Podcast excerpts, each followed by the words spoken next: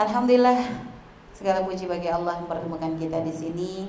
Jadi memang sebenarnya niat kami untuk ke Palembang sudah sangat lama dari mulai sebelum lockdown itu sudah niat untuk ziarah ke sini tapi belum tersampaikan alhamdulillah sekarang dikabul oleh Allah. Allah memberikan kepada kita waktu yang paling baik, paling berkah. Insyaallah. Dan tadi Masya Allah pembahasan yang tadi kasih judulnya luar biasa Tantangan wanita akhir zaman ya Masya Allah Menjadi wanita Dalam Islam itu Masya Allah Rasulullah itu sangat Memperhatikan kita para wanita. Dan wanita, Rasulullah tahu Allah berikan kepada beliau Untuk mengetahui hal-hal yang gaib. Sehingga beliau paham bahwasanya Akan tiba masa di mana wanita itu Akan semakin berat cobaannya sehingga makanya di akhir hayat beliau ada tiga pesan yang diulang-ulang, diulang-ulang sampai dikatakan suara beliau tuh sampai dari bersuara sampai suaranya tuh gak ada. Maksudnya saking ulang-ulangnya itu benar-benar. Ada tiga hal yang dinasihatkan beliau, tiga hal yang kadang e, saat ini banyak diremehkan oleh orang. Yang pertama adalah masalah as-sholah. As-sholah Nabi wanti-wanti asola asola asola asola sampai Nabi suaranya habis. Karena Nabi tahu nanti akan ada masa di mana orang banyak ngentengin sholat. Padahal kalau kita lihat sholat itu adalah satu perkara yang sangat mudah, ringan banget, gak ngapa-ngapain. Kita sholat itu nggak bawa barang di atas kepala, kita sholat gak nenteng barang berat nggak ada. Kita sujud juga nggak ditimpa pakai lemari juga enggak Sholat itu ringan, tapi ternyata masih banyak orang yang berat untuk melakukan. Sehingga begitu mudah orang meninggalkan sholat. Sehingga kadang gara-gara ngebecak sholat nggak jadi nggak nggak bisa sholat. Gara-gara kerja kantor nggak bisa sholat. Gara-gara belajar di sekolah atau les nggak sholat. Gara-gara apa lagi banyak. Begitu mudahnya orang meninggalkan sholat. Bahkan ada orang yang kadang bisa senam satu jam senam aerobik itu masya Allah ya mencolot sana, loncat sini, atau orang bisa ngangkat barbel berapa puluh kilo, tapi suruh sujud, suruh sholat aja belum bisa itu. Kenapa? Karena tidak Allah pilih. Maka bersyukurlah kita kepada Allah atas nikmat sholat yang bisa kita lakukan. Jadi nikmat terbesar bagi seorang hamba bukan ketika Allah kasih duit, bukan ketika punya mobil baru, bukan ketika kita bisa membangun rumah megah, enggak. Tapi nikmat di saat di tengah kesibukan kita, di zaman-zaman di mana banyak orang meninggalkan sholat Tapi ternyata Allah masih memberikan kemudahan kita untuk sujud menghadap kepada Allah. Dan kita bisa menikmatinya. Itu nikmat yang luar biasa. Jadi nikmat yang sesungguhnya itu nikmat ketika Allah bimbing kita untuk dekat kepada Allah. Ketika kita masih tidak bisa untuk meninggalkan Allah Dan Alhamdulillah Allah pilih berarti. Semoga itu tanda-tanda kita menjadi orang yang selamat Walaupun mungkin sholat kita masih jauh dari sempurna, masih jauh dari khusyuk. Tapi jangan menyerah dengan ketidakkhusyuan kita lalu ngatain, aduh ngapain juga sholat kalau nggak khusyuk. Enggak, tetap sholat walaupun kita belum bisa khusyuk. Nanti dalam sholat-sholat kita mintalah kepada Allah peningkatan. Ya Allah sekarang sudah bisa sholatnya maka bimbing untuk khusyuknya. Jadi itu. Jadi syukuri Jangan dikecilkan bisa sholat itu jangan dikecilkan nikmat tersebut karena itu nikmat yang luar biasa besar. Nikmat ketika hati kita masih ingat Allah, nikmat ketika bibir kita masih bisa berzikir mengagungkan nama Allah, nikmat ketika anggota tubuh kita masih bisa tunduk di hadapan Allah, maka syukuri. Dan selanjutnya apalagi pesan Nabi? Yang kedua, jangan kita itu uh, memaksakan atau jangan kita membebankan kepada budak ya sesuatu yang di luar kemampuan mereka. Kalau zaman sekarang budak gak ada. Tapi mungkin di situ sekarang ya budak sama pembantu beda. Kalau budak sebenarnya lebih parah lagi, maksudnya nggak punya hak milik. Ke budak yang nggak punya hak milik saja, jadi kalau budak itu ibaratnya kalau sekarang tuh kayak kipas angin gitu loh. Kita kalau beli kipas angin ya mau kita apa-apain ya terserah itu punya kita. Jadi budak tuh sampai sederajat itu. Beda dengan pembantu sebenarnya. Kalau pembantu masih kita bayar, artinya mereka juga bukan harus. Tapi pun ternyata untuk budak yang gak punya hak milik seperti itu, Nabi masih wanti-wanti jangan sampai kita zalim. Apalagi urusan dengan pembantu. Di zaman sekarang banyak orang nggak perhatian dengan pembantunya, hanya mengambil tenaganya, tidak pernah membimbing mereka untuk dekat kepada Allah. Kita bikin dia capek untuk urusan dunia, tapi kita nggak pernah mengajak dia untuk bagaimana dia kenal Allah, kenal Rasulullah. Sehingga kadang kita temukan ada banyak majikan-majikan yang zalim. Ya, majikan-majikan yang zalim yang bahkan mohon maaf untuk bisa membimbing para pembantunya menutup aurat saja susah. Tapi kan bukan hak kita mi, oh nggak bisa. Kalau sudah kita memperkerjakan orang di rumah kita, apakah itu tukang, apakah itu pembantu atau siapa pun yang bergabung bersama kita, apakah itu karyawan kita yang kita gaji setiap bulan, maka setelah mereka berada di bawah naungan kita, mereka adalah tanggung jawab kita.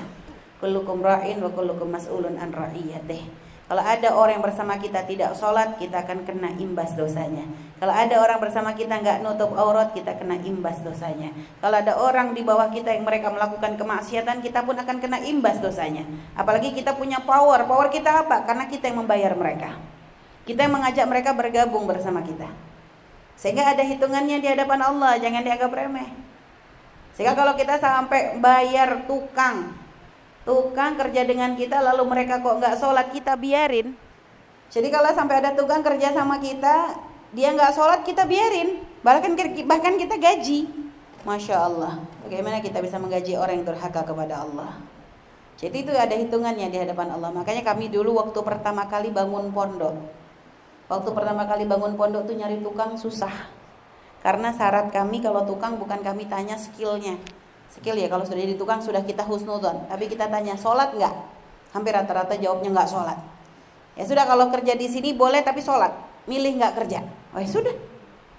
Dan kita sempat bangunan itu mandek karena tukang yang mau sholat tuh hanya sedikit nggak kekejar dengan tugasnya cuma Buya waktu itu ngotot nggak pokoknya kalau dia nggak mau sholat sudah pokoknya kita nggak terima sebagai tukang karena kita nggak mungkin membangun tempat di mana kita mengajak orang-orang untuk sujud kepada Allah tapi ternyata membangunnya adalah orang yang tidak ingat Allah jadi waktu itu kita agak tegas sedikit. Sampai lama mandek. Eh tiba-tiba berapa lama datang orang. Buya saya mau ngelamar jadi tukang. Sholat kok Buya? Belum ditanya sudah langsung ngomong duluan. Akhirnya setelah itu memang sempat diuji. Lama kita mandek itu. Tapi setelah begitu dapat, masya Allah, alhamdulillah Allah kirimkan tukang-tukang ahli sholat. Jadi memang kita pengen membimbing. Karena kita jangan kalah dengan orang kafir. Orang kafir di luar Islam tuh bisa, bisa bikin syarat orang Islam aja ninggalin syariat kok. Kalau kerja di sini nggak boleh pakai hijab, yang daftar banyak. Kerja di sini nggak boleh sholat, yang daftar banyak. Kenapa kita orang Islam nggak bisa bikin syarat? Yang kerja di sini harus sholat, yang kerja di sini harus nutup aurat. Kita balik keadaannya. Wong kita yang punya duitnya kok. Mereka juga butuh dengan duit kita kok. Nggak apa-apa mereka sholat mungkin di depan kita. Yang penting begitu di hadapan kita dia sholat. Urusan dia di belakang, urusan dia dengan Allah. Pembantu pun begitu, ikut kita dia pakai hijab. Setelah nggak ikut dia lepas, urusan dia dengan Allah. Yang penting kita sudah amar ma'ruf nahi mungkarnya kita jalankan. Jadi memberikan hak kepada orang yang bekerja kepada kita untuk bisa sambung dengan Allah itu adalah kewajiban kita. Dan juga jangan belim urusan kita ini kadang kalah ya dengan dengan orang-orang di luar Islam. Orang di luar Islam, kami pernah di Hong Kong. Kami tuh heran waktu ke Hong Kong, kok banyak banget orang Indonesia di situ. Orang Indonesia tuh demen banget sampai kerja di sana. Sampai ada yang sampai udah 20 tahun. Ini mah udah bukan lagi kerja, namanya hijrah kamu itu. Saya bilang, emang nggak pengen pulang, pengen Umi, tapi udah kadung nyaman di sini. Emang nyamannya apa katanya? Ya, ini bukan langsung Umi dengar Umi ngomong gini, akhirnya banyak yang daftar ke sana ya. Ini Umi ngasih info saja. Rupanya mereka tuh banyak yang suka karena memang ada aturan di pemerintahan itu yang memberikan perlindungan untuk mereka. Jadi bagi bagi para majikan itu nggak boleh ngasih makan pembantunya tuh dengan makanan yang berbeda. Maksudnya bukan masalah harus babi-babi enggak. Itu ada memang ada yang jahat begitu ada. Tapi maksudnya kayak kualitas nasi aja. Jadi kalau nasi kualitasnya grade A untuk yang bosnya, maka pembantunya juga harus sama. Dan juga pembantu harus dikasih hak libur. Kalau sampai ada majikan mempekerjakan pembantu di hari libur, itu bisa dituntut, dilaporkan dan majikannya bisa ketangkep. Jadi gitu. Jadi ada aturan. Ini kami pernah, subhanallah, ini benar-benar, ini benar-benar depan mata sendiri waktu kami di Indonesia. Kami ngelihat waktu itu kan kebetulan punya teman yang punya rumah makan. Kami lagi ngobrol sama teman di rumah makan, tiba-tiba ada rombongan datang rame. Kami keluar, rombongannya tuh masya Allah yang perempuannya pakai hijab-hijab syari, uh cantiknya, bajunya, kerudungnya gede-gede. Akhirnya rombongan rame, Anak kecilnya banyak, ya mungkin mereka kepengen nggak terganggu, akhirnya anak kecil dibawa main keluar sama pembantunya. Dibawa main keluar, kebetulan kami duduk-duduknya di luar sambil ngeliatin, sambil ngobrol ngeliatin, tapi kami lama-lama heran. Ini dari awal rombongan tadi datang sampai berjam-jam itu pembantu tuh sama sekali ngurusin anak di luar, nggak ada minuman dikirim keluar. Nggak ada wala es, wala teh, wala cemilan, wala apa dia hanya sibuk aja megangin anak Sampai akhirnya teman kami yang punya restoran tuh nggak tega, ditungguin, dipikir masih mau dikasih, nggak datang datang juga sampai lama. Hanya teman tuh nggak tega, dia nyuruh pembantunya untuk ngambilin minum untuk pembantu yang di luar tuh ada dua orang atau tiga orang, itu semuanya nggak dikasih. Dan subhanallah setelah gitu, nggak lama rombongan tadi tuh pulang, ini pembantu sama sekali nggak makan wala minum. Ajib kata kita. Orang pakaiannya masya Allah syar'inya luar biasa, tapi perilakunya seperti orang yang tidak kenal Rasulullah Shallallahu Alaihi Wasallam. Ini kalau Nabi marah banget itu. Nah ini artinya perlu kita kita kita pahamkan. Jadi Nabi itu wanti-wanti itu kadang memang melihat ada banyak kezaliman kepada orang-orang yang menjadi tanggung jawab kita, yang kita bayar dengan uang kita. Nah ini. Dan terakhir pesan Nabi yang ketiga ada istausu bin nisa khaira, istausu bin nisa khaira Nasihatkan wanita dengan nasihat yang baik. Perhatikan urusan wanita. Diulang-ulang sampai Nabi itu tinggal kalimatnya tuh mulutnya komat kamit begitu suaranya nggak ada. Saking Nabi itu kayak khawatir banget dengan perempuan. Khawatir banget. Nabi kayak merasa takut banget berat bahwa apa akan banyak wanita-wanita yang mereka sudah tidak lagi mengindahkan syariatnya Rasulullah Shallallahu Alaihi Wasallam. Dan saat ini, masya Allah, Ketakutan Nabi sangat-sangat terbukti. Ketakutan Nabi sangat-sangat terbukti. Di mana sekarang banyak wanita yang masya Allah, ini kalau seandainya Nabi Nabi kita diperlihatkan Rasulullah ini pasti beliau tuh nangis lihat keadaan wanita-wanita muslimah saat ini. Jika sekarang orang-orang yang berpegang kepada syariat itu malah dianggap aneh. Kita berpegang syariat itu dianggap gak umum, Bahkan Nabi memang sudah mengisyaratkan bahwa akan saya di zamanun asabir ala dinih kal khabid kal khabid alal jamri. Ya. Ada mengatakan al khabid ala dinih ya. Al khabid ada mengatakan asabir ala dinih kal khabid ala jamri. Jadi akan tiba satu masa kata Nabi di mana orang yang sabar dalam menjalankan agamanya ada riwayat lain yang mau berpegang kepada agamanya itu kayak memegang bara api. Kayak megang bara api. Masya Allah. Artinya apa? Berat banget. Berat banget. Bahkan dalam riwayat yang lain Nabi nyebutin tuh. Nabi nyebutin ketika Nabi subhanallah Isra dan Mi'raj sebenarnya Nabi sudah dilihatkan. Dilihatkan kepada hamba-hamba Allah yang saat itu apa namanya saat itu mereka itu kok disiksa di, di neraka. Disiksa di neraka sampai akhirnya di antara ya, di antara orang-orang yang disiksa di neraka itu Nabi pun diperlihatkan ada wanita. Wanisaun kasiyatun ariyatun mumilatun mailat. Ya. Ruusahunna ka'as'imatil bukhti al-ma'ilah la yadkhulnal jannah wa la yajidna rihaha wa inna rihaha la yujadu min masirati kadza wa kadza. Jadi subhanallah. Nabi ngasih isyarat bahwa di antara orang-orang yang menjadi ahli neraka itu ada yang nantinya mereka adalah wanita-wanita. Wanita-wanita kasiat ariyat pakai baju tapi kayak orang telanjang. Pakai baju kayak orang telanjang. Mailat ya, mumilat mailat. Jalannya itu lenggak-lenggok. Ru'usahunna ka as'imatil bukhti. Kepala mereka tuh kayak punuknya onta. Dan untuk wanita-wanita yang modelan seperti ini, kata Nabi mereka nggak bisa masuk surga. Bahkan mencium pun mereka nggak mampu.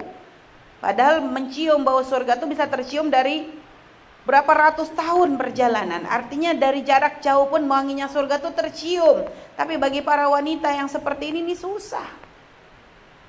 Siapa sih yang disebut Nabi itu kasiat Ariat? Dulu banyak ulama tuh bingung apa maksudnya pakai baju tapi telanjang. Eh semakin ke sini semakin ke sini ini masya Allah. Kalau kita lihat perjalanan hijab aja tuh masya Allah ya. Dulu zaman kami masih kecil, zaman kami masih sekolah, zaman kami kuliah. Itu kalau orang pakai hijab, itu benar-benar hijab tuh benar di tempat-tempat umum kalau ada wanita berhijab memang itu benar-benar sampai ada istilah hijabers. Hijabers itu pakai kerudung gede-gede. Dulu cadar masih jarang banget, tapi orang yang kalau sudah milih pakai kerudung biasanya mereka tuh gede-gede dan mereka tuh menentang aturan. Biasanya mereka adalah orang-orang pemberani yang menentang aturan. Di sekolah nggak boleh pakai kerudung, mereka ngotot pakai kerudung. Di kampus nggak boleh pakai kerudung, mereka ngotot pakai kerudung. Di tempat kerja nggak pakai kerudung, mereka ngotot pakai kerudung. Dan perilaku mereka tuh benar-benar mencerminkan kerudung yang dipakai. Dan memang alhamdulillah beberapa tahun berikutnya ada kemudahan banyak untuk berhijab, banyak aturan dilepas.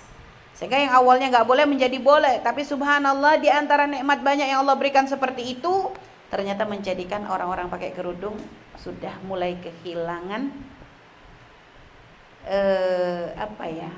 Kehilangan makna dari kerudung yang dipakainya. Saya kadang apalagi sekarang kerudung sudah menjadi tren, bisa dimodel macem-macem.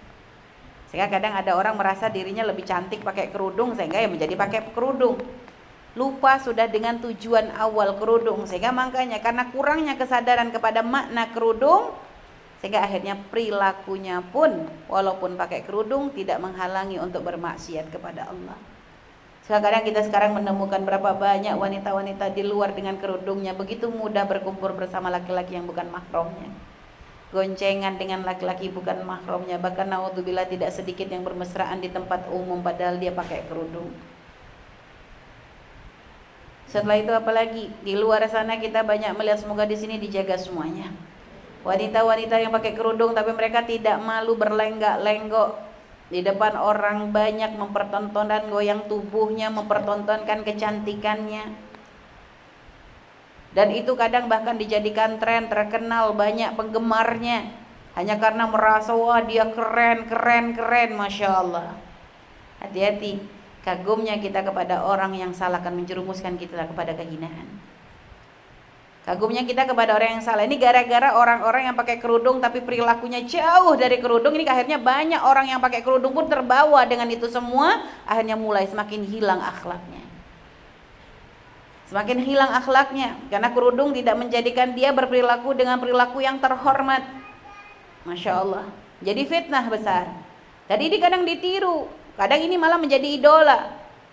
Dengan pengikut yang kadang di sosial medianya Masya Allah jutaan luar biasa. Ini kan berarti ada pergeseran moral di sini. Mana moral? Mana agama, mana syariat? Kira-kira pantaskah seperti itu? Tanyakan kepada hati kecil kita. Pantaskah ketika seorang wanita tidak lagi malu untuk bergoyang pinggul misalnya? Kira-kira cocok nggak sama kerudungnya? Tanyakan hati kecil, jangan tanyakan hawa nafsu kita. Kalau kata hawa nafsu kita, ya zamannya gitu sih Apalagi sekarang ada aplikasi yang kalau dibuka semuanya orang jadi kayak orang stres ya. Jadi kayak langsung morok-morok badan tuh langsung goyang otomatis, ajib itu. Jadi kayak ada remote-nya. Kita bingung. Ini aplikasi apa sih? Pasti yang bikin aplikasinya jinnya nih banyak, setan nih banyak ini. Makanya orang kok buka aplikasi itu kok langsung jadi goyang pinggul semua, jadi gayanya macam-macam, masya Allah. Luar biasa. Kita sampai bingung juga. Ya Allah, ya itulah. Maka kalau sekarang kita bertanya tantangan akhir zaman gimana? Ada di mata kita, ada di sekitar kita, ada di hadapan kita. Segala hal yang tidak pantas untuk dilakukan seorang muslimah. Lalu dari mana kita bisa tahu ini pantas gak pantas? Kata Nabi istaftu galbak, tanyakan hati kecilmu.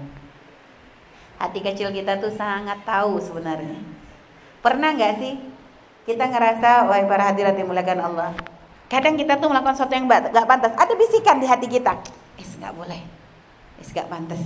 Gak layak. Ada bisikan. Cuma terkadang bisikan itu gak kita dengar. Atau mungkin ibunda yang punya kebiasaan sholat duha. Tiba-tiba hari itu ibunda sibuk di dapur. Masak. Pernah gak sih ada bisikan, eh belum sholat. Ada bu ya. Itu namanya hati kecil kita. Tapi kadang kita pakai jawab, ntar belum selesai masih tanggung. Nanti kalau udah masuk ke dalam udah bersih-bersih males lagi masuk dapur. Aja sampai tuntas. Udah jam 11. Eh udah jam 11 belum sholat. Ya tapi ini belum beres. Nanti kalau nggak beres nanti rusak semuanya. Sampai akhirnya kita ninggalin Tuhan. Itu kadang berkali-kali ngingetin, tapi antem lagi sama hawa nafsu. Antem lagi sama hawa nafsu. Pernah nggak begitu? Masya Allah. Emang ada itu. Kita harus ngakuin itu bisikan hati kecil dan itu bimbingan dari Allah. Sehingga orang jahat sekalipun sebenarnya ada bisikannya. Cuma ibarat bisikan itu sudah kadung di, diantem terus dengan hawa nafsu, akhirnya bisikan itu menjadi tidak semakin lemah dan tidak bisa bersuara. Karena terus tertutup dengan hawa nafsu kita yang mengajak kita kepada kemaksiatan, mengajak kita untuk jauh dari Allah. Seperti itulah. Sehingga makanya kenapa kita kok jadi, jadi kadang hati kita menjadi sudah sudah mati rasa karena terlalu sering mereka tuh dibunuh oleh kita. Dibunuh dengan hawa nafsu kita al-amarah bisu yang selalu mengajak kita untuk menjauh dari Allah Subhanahu wa taala. Itulah tantangan. Itulah tantangan kita ini loh. Yang ada di sekitar kita ini gimana? Di saat kita sudah melihat gaya-gaya model seperti itu, wanita-wanita yang seperti itu, gimana caranya kita ini dengan hijab kita ini kita masih bisa menjaga kehormatan kita. Dan sebenarnya perilaku-perilaku wanita-wanita yang berhijab lalu tapi ternyata mereka tidak memantaskan perilakunya dengan apa yang disyariatkan Nabi. Itu kami katakan di mana-mana kami ingatkan sebenarnya secara tidak langsung kita tuh nyakitin Rasulullah. Kita tuh kurang ajar dengan Nabi Muhammad. Kita merendahkan Nabi kita. Kenapa? Karena bagaimanapun hijab ini kan identitas kita sebagai seorang muslimah. Di mana-mana orang kalau udah pakai hijab, dia nggak akan nyangka dia agama Hindu, Buddha atau Nasrani. Pasti taunya dia adalah mus muslim, muslimah. Sehingga nggak taunya dia kok berperilaku yang nggak pantas. Akhirnya apa? Oh ternyata nggak ada bedanya muslimah dengan yang nggak ada mus yang nggak muslim yang nggak muslimah nggak ada bedanya sama aja kok dibawa laki-laki bisa diajak goyang pinggul bisa diajak pecicilan nggak pantas juga bisa kok dilecehkan pun bisa akhirnya begitu lihat jadi nggak ada bedanya hijab itu hanya tempelan aja sehingga akhirnya apa orang semakin meremehkan sehingga kadang ada orang yang berhijab bener pun akhirnya dipandang negatif gara-gara banyaknya wanita-wanita berhijab yang tidak bisa menjaga kehormatannya. Kita kena imbas. Kita kena imbas juga di situ. Dan secara tidak langsung mereka akan merendahkan siapa? Merendahkan hijab secara keseluruhan. Secara tidak langsung mereka merendahkan syariatnya Nabi Muhammad dan lama-lama pun akan merendahkan kepada Rasulullah Sallallahu Alaihi Wasallam. Padahal Nabi nggak pernah ngajarin jelek kepada kita. Nabi nggak pernah mengajarkan wanita untuk menjadi orang yang hina. Nabi menanamkan rasa malu. Nabi menanamkan rasa malu, bahkan Nabi mempraktekkan rasa malu, bahkan putri beliau adalah wanita yang sangat-sangat malu. Sangat menjaga rasa malunya. Sayyidah Fatimah Az-Zahra. Wanita yang sangat punya rasa malu sehingga ketika waktu itu satu hari Rasulullah bertanya kepada para sahabat semua, siapakah wanita yang terbaik? Seperti apakah wanita yang paling baik? Sahabat tuh bingung semua mau menjawabnya gimana. Akhirnya pulang ke rumah masing-masing Imam Ali seperti biasa Sayyidina Ali radhiyallahu an begitu masuk ke rumahnya ditanya oleh Sayyidah Fatimah. Sayyidah Fatimah tuh kalau nanya suaminya pulang dari ketemuan Rasulullah tuh nggak pernah nanya, "Bang, pulang bawa duit berapa?" Enggak. Yang ditanya apa? "Wahai suamiku, dapat ilmu apa kamu hari ini dari Rasulullah?"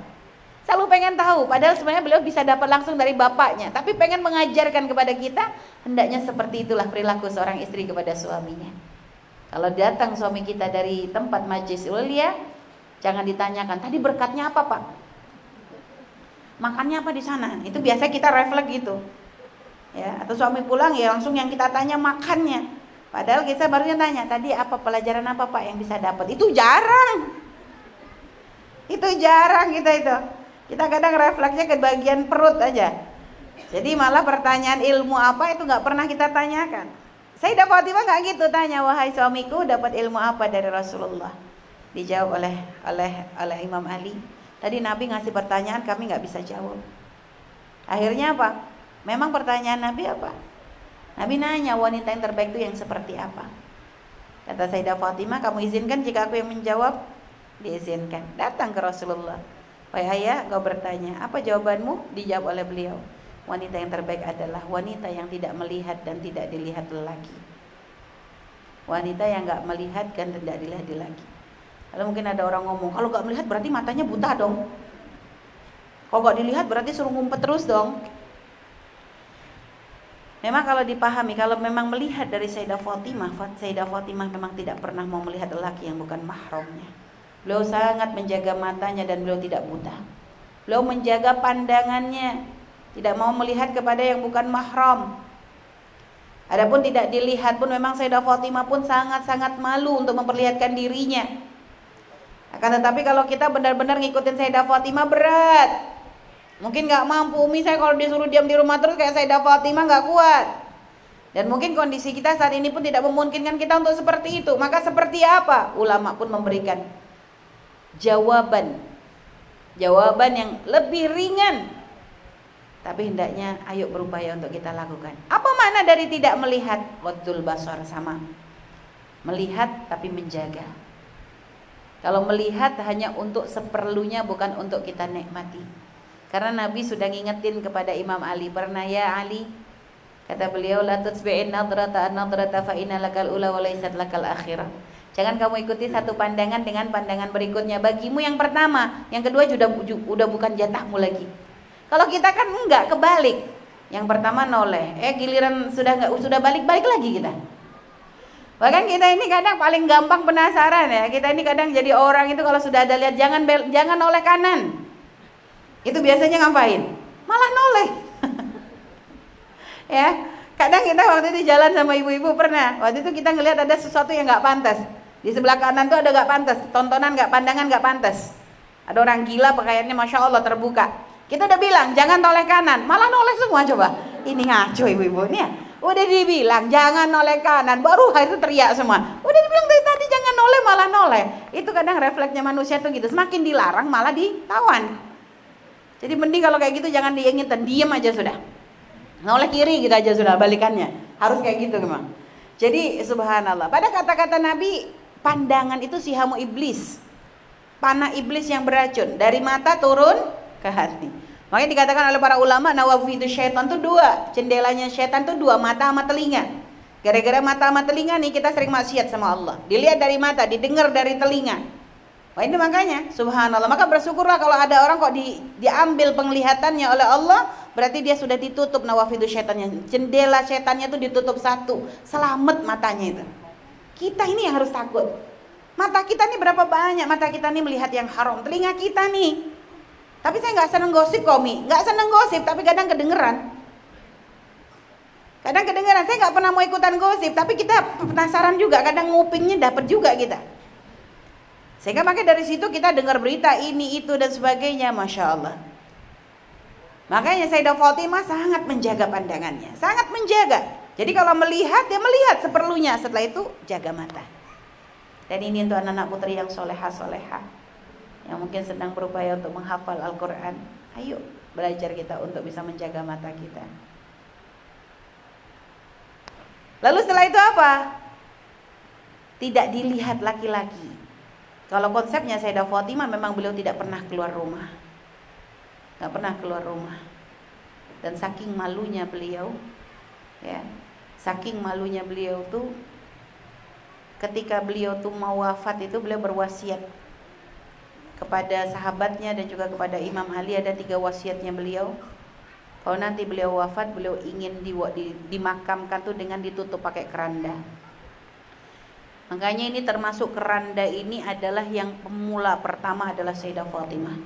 Jadi dulu jenazah itu kalau dibawa ke kuburan, dibungkus kain kafan, ditaruh di atas tandu begitu terus dibawa. Bahkan kadang nggak ada tandu langsung digotong begitu.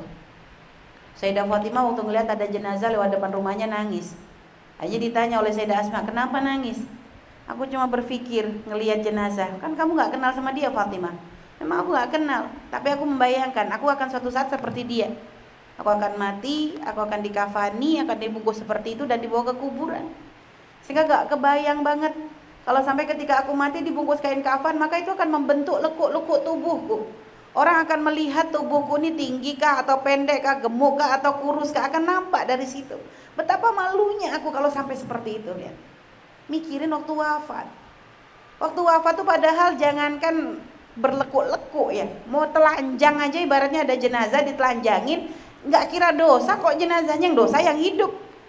Tapi Sayyidah Fatimah sampai beliau sendiri merasa malu ngebayangin dalam keadaan wafat badan tubuh beliau yang selama ini dijaga, ditutupi.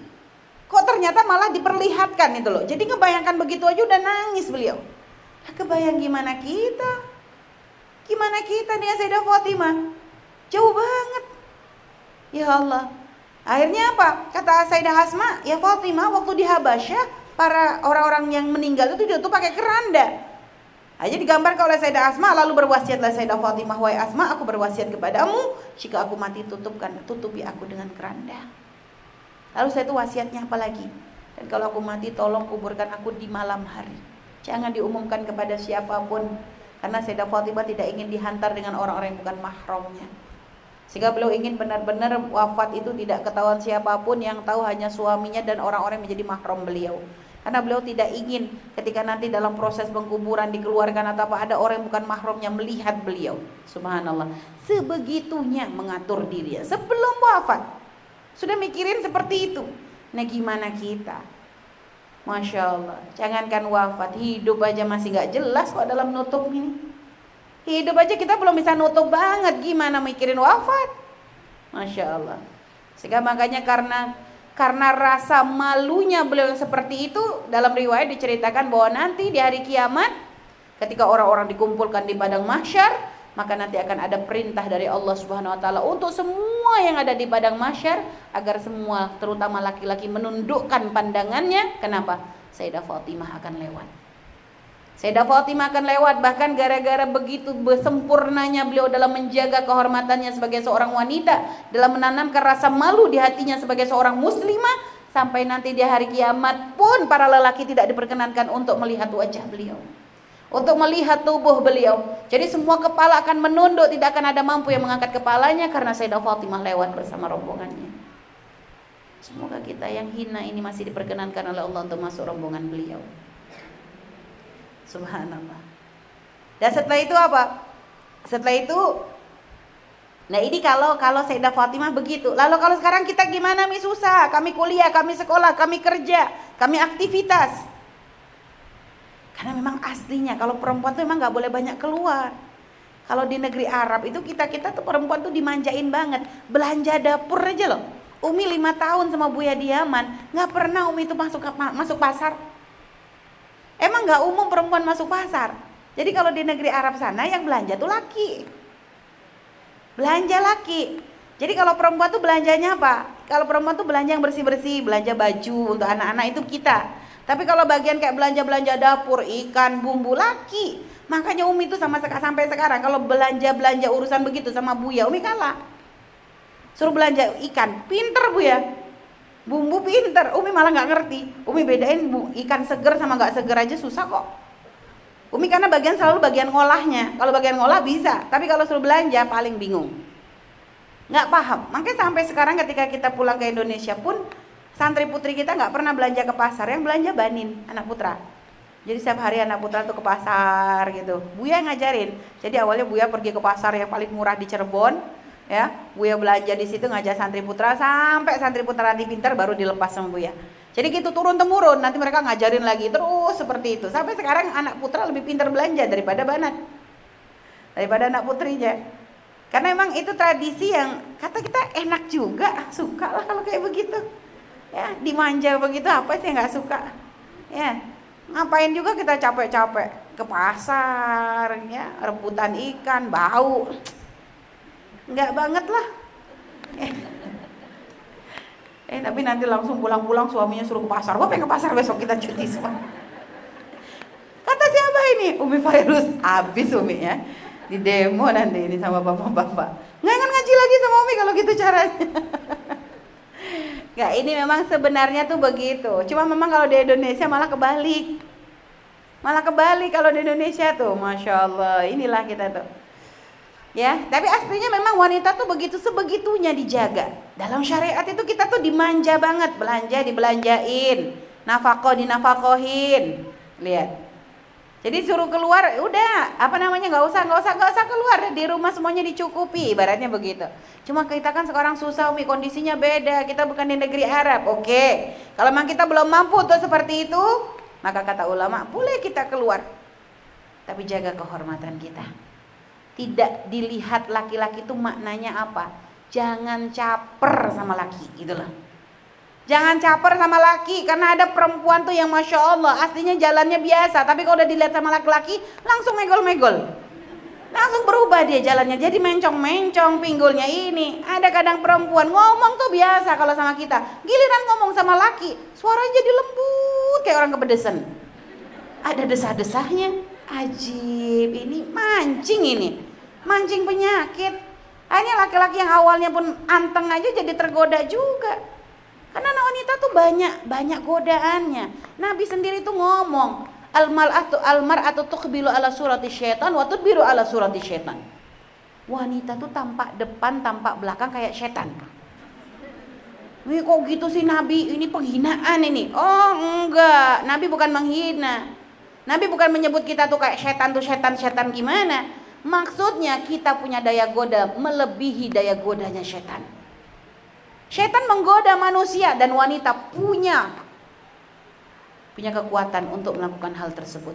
Dari tampak depan daya tariknya banyak. Belakang sama. Makanya karena wanita punya daya tarik yang seperti itulah akhirnya syariat itu menjaga banget. Syariat menjaga karena wanita banyak daya godanya. Tapi lihat musuh-musuh Allah tidak, daya goda wanita malah dijual. Sehingga sekarang kita melihat wanita di mana-mana dipamerkan dengan kecantikannya. Sehingga kalau kita lihat promo apa pun wanita pasti ada di situ. Padahal kadang nggak nyambung.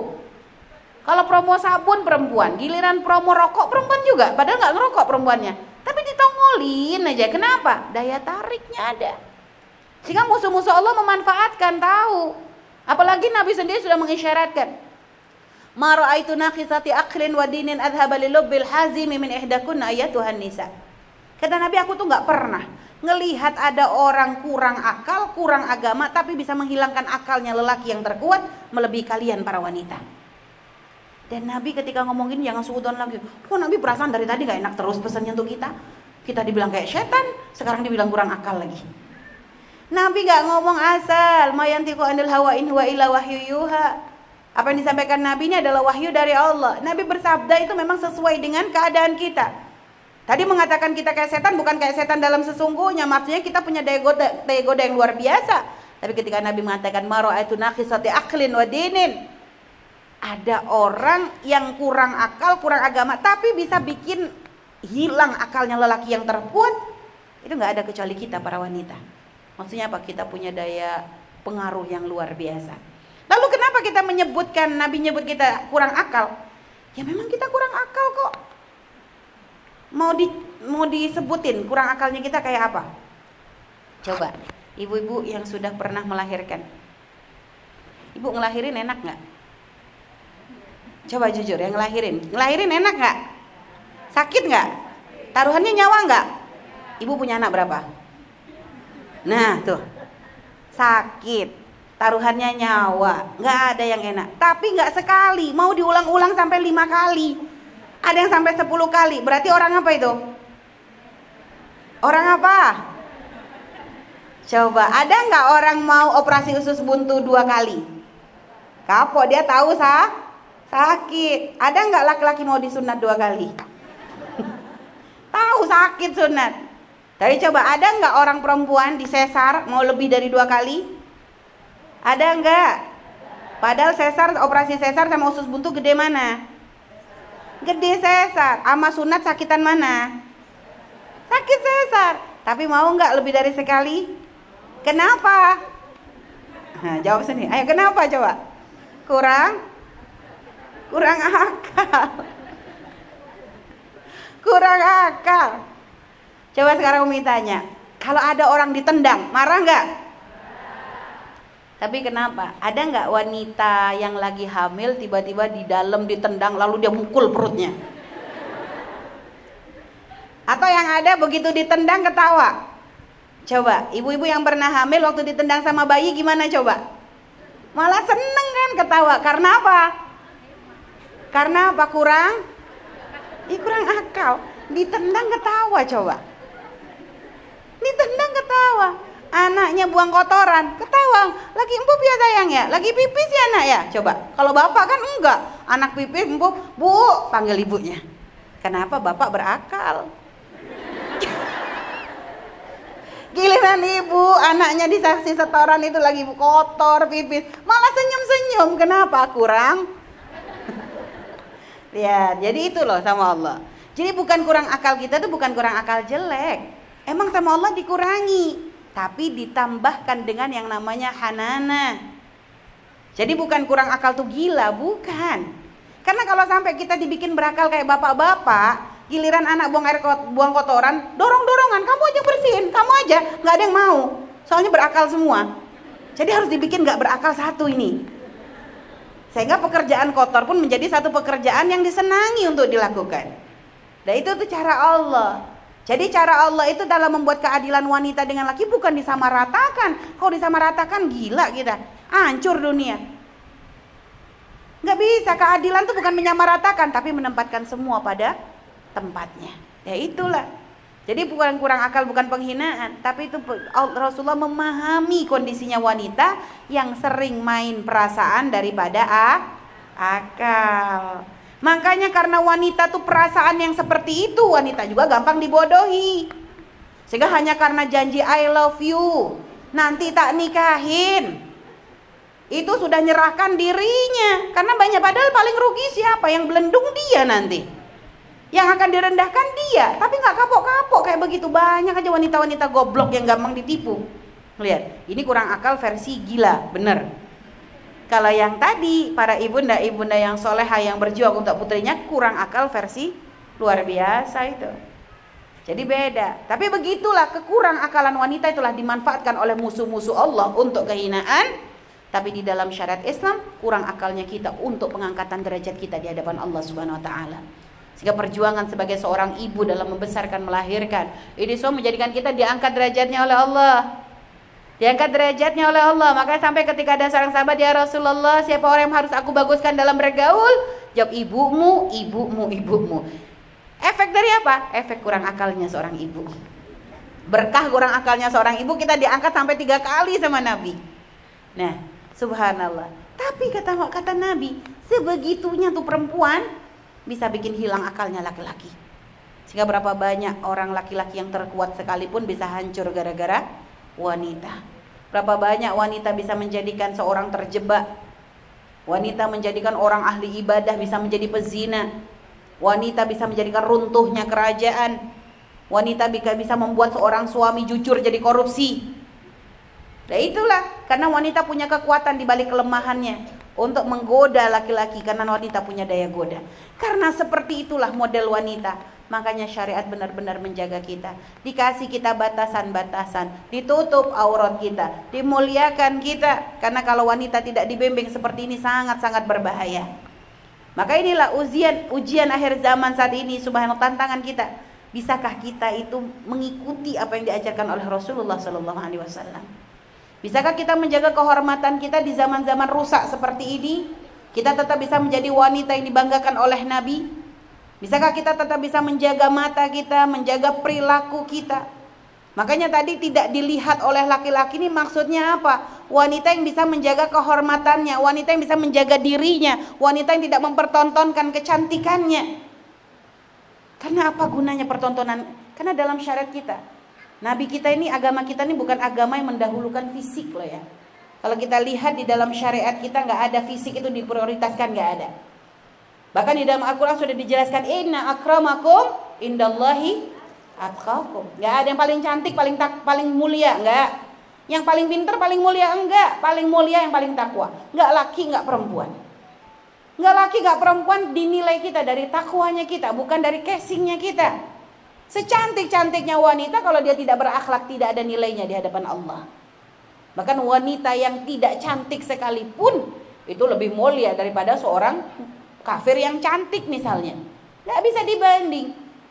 Makanya wanita syariat, dalam syariat lihat bagaimana Rasulullah menggambarkan seorang wanita Ummu Aiman. Ummu Aiman tuh budaknya dulu pernah berkhidmat untuk ibundanya Nabi. Sampai akhirnya berkhidmat untuk Sayyidah Khadijah, lalu akhirnya dimerdekakan oleh Sayyidah Khadijah. Wanita kulit hitam. Wanita kulit hitam sudah merawat Nabi dari kecil, usianya sudah tua. Masuk Islam dalam keadaan sudah tua. Kulit hitam dari fisik sangat kurang, tidak sempurna. Jauh mungkin dari cantik, tapi apa gambaran Rasulullah tentang wanita tersebut? Nabi katakan, kalau ada di antara kalian yang ingin menikahi wanita surga, nikahi Ummu Aiman. Subhanallah. Nabi gak pernah meremehkan karena kulitnya mungkin tidak putih, enggak. Nabi gak meremehkan beliau karena mungkin tidak cantik. Bahkan Nabi katakan kalau ingin menikahi wanita ahli surga, nikahi Ummu Aiman. Kurang gimana syariat ngangkat derajat wanita. Tapi sekarang di luar, di luar wanita kalau nggak cantik nggak kira laku. Mereka akan diekspos hanya karena cantik. Makanya berapa banyak untuk cantik itu mau ngerubah mukanya, ngerubah badannya, ngerubah semuanya hanya karena pengen pengakuan dari manusia. Capek dia. Sekarang hidung yang dimancungin, besok bibirnya yang dibentuk lagi, pipinya kurang ini, berubah lagi. Akhirnya gak ada asli dari atas sampai bawah. Karena ngejar cantik, ngejar pujian.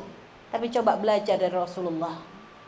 Gak perlu kita untuk selalu memikirkan urusan penampilan cantik, tapi perilaku kita tidak menjadi cantik.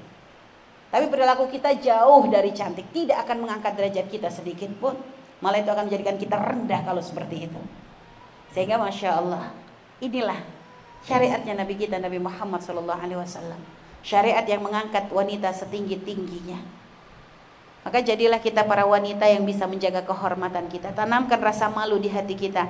Kita belum sampai punya rasa malu seperti Sayyidah Khadijah, Sayyidah, Sayyidah Fatimah. Tapi jangan sampai sama sekali kita nggak punya rasa malu. Makanya Nabi sampai ngedepankan kalau orang ilam tastahi, ilam tastahi fasna masyita. Masyita. Fasna masyita. Kalau kamu sudah nggak punya rasa malu, lakukan sesukamu. Artinya apa? Kalau wanita sudah hilang rasa malunya, dia akan berperilaku seperti apa? Dia akan ber, berperilaku se sepuasnya. Bukan ini perintah ya. Artinya kalau sudah wanita dicabut rasa malunya, dia tidak akan malu untuk melakukan apa pun. Sehingga sekarang kita melihat sudah nggak malu. Wanita dengan penampilan seperti itu, kadang diekspos dan sebagainya, masya Allah. Maka ini khususnya kepada adik-adik putri yang soleha soleha. Cantikmu bukan untuk dipamerkan. Cantikmu bukan untuk dipamerkan dan ketahuilah kalau kita hanya memamerkan cantik-cantik ada masa luar rasanya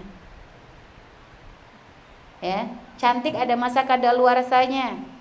Ada masa kita mau dibayarkan cantik ya sudah hilang cantiknya tapi kalau yang namanya akhlak mulia nggak ada kadaluarsanya. Di dunia kita akan mulia di akhirat kita akan lebih mulia. Tapi kalau cantik dengan cantik kita tidak menutup aurat. Dengan cantik malah kita jadikan bahan untuk pamer. Sesuai gunanya apa? Dan apa sih senangnya? Kadang banyak wanita yang mengekspos penampilannya, wajahnya, dandanannya. Untuk apa coba? Dipuji. Nah, di antara yang memuji itu pasti ada yang merendahkan juga kok. Pasti ada yang merendahkan. Penampilan bagaimanapun namanya manusia tuh kalau hanya sekedar nyari pujian, pujian seperti apa sih yang kita cari? Apa gunanya kita dipuji manusia kalau ternyata kita dihina oleh Allah? Apa gunanya kita dipuji manusia tapi kita direndahkan malaikat? Apa gunanya kita dipuji manusia kalau kita mempermalukan Nabi Muhammad? Maka nggak perlu untuk seperti itu. Ini tantangan kita nih. Di saat di mana banyak wanita ekspos ini, ekspos itu, ekspos dirinya. Tapi sekarang kita tetap berupaya menjaga kehormatan kita. Cantik kita adalah untuk suami kita. Jadilah wanita yang soleha untuk bekal kita mendidik putra putri kita. Karena al ummu madrasatul ula ibu itu adalah pendidikan pendidik sekolah pertama bagi anak. Artinya kalau seorang wanita yang baik seorang wanita yang soleha dia akan bisa mencetak anak-anak yang luar biasa. Maka kita belajar sekarang PR kita bukan hanya sekarang untuk ekspos kecantikan kita. Bisa nggak nih kita jadi ibu yang bisa membimbing anak-anak kita untuk menjadi anak-anak yang dibanggakan Nabi Muhammad Sallallahu Alaihi Wasallam. Subhanallah kalau kita lihat sejarah berapa banyak para ibunda, ibunda yang punya peran besar dalam mensukseskan anak-anaknya. Imam Syafi'i adalah seorang anak yatim, ditinggal ayahnya dari kecil tapi ternyata dididik oleh seorang ibu yang luar biasa sehingga menjadi seorang yang alim. Imam Ahmad bin Hambal itu pun adalah seorang anak yang ditinggal bahkan dalam kandungan oleh ayahnya. Tapi dididik oleh seorang ibunda yang luar biasa sehingga menjadi seorang mustahid besar. Rabi'atul Ra'i seorang anak yang dididik oleh ibunda yang suaminya pergi ke medan laga yang baru pulang setelah anaknya gede. Tapi dididik seorang ibu yang luar biasa menjadi seorang alim yang masya Allah. Siapa lagi? Imam Imam Imam Ghazali. Ya. Bukan Imam Ghazali siapa? Masya Allah uh, Allah Masya Muhammad. Bukan Imam Ghazali satu lagi. Ada yang di, di siapa? Yang Subhanallah. Kok sini kalau lagi kalau lagi ini nih sampai lupa. Ada seorang imam besar ya gitu juga pun dididik oleh seorang ibu yang luar biasa. Imam Abdul Qadir Al Jailani Syekh Abdul Qadir Al Jailani itu pun dididik oleh seorang ibu yang luar biasa jadi banyak kalau kita membaca sejarahnya orang-orang mulia itu ternyata ada peran ibunda di dalamnya maka sekarang mungkinkah kita mencetak orang-orang model itu zaman ini Mungkin gak kita mencetak orang-orang seperti itu? Jadi kadang perjuangan seorang ibu itu luar biasa. Ya. Seorang ibu itu luar biasa dalam mendidik putra putrinya untuk bisa menjadi orang-orang besar. Kita ini kadang masih kalah jauh dengan para ibunda kita. Kami punya mertua itu masya Allah. Ibunda dari Buya itu kurang lebih sebenarnya kami itu punya ibu sama punya mertua tuh mirip-mirip kalau dalam mendidik anak mirip-mirip dalam mendidik anak yang itu kadang masya Allah menjadikan kami itu iri banget kita aja belum mampu untuk seperti beliau tapi ingat ibunya Buya tuh sama. Jadi kalau Buya dulu tuh kalau Buya pulang mondok itu Buya tuh malah nggak diajak ngomong.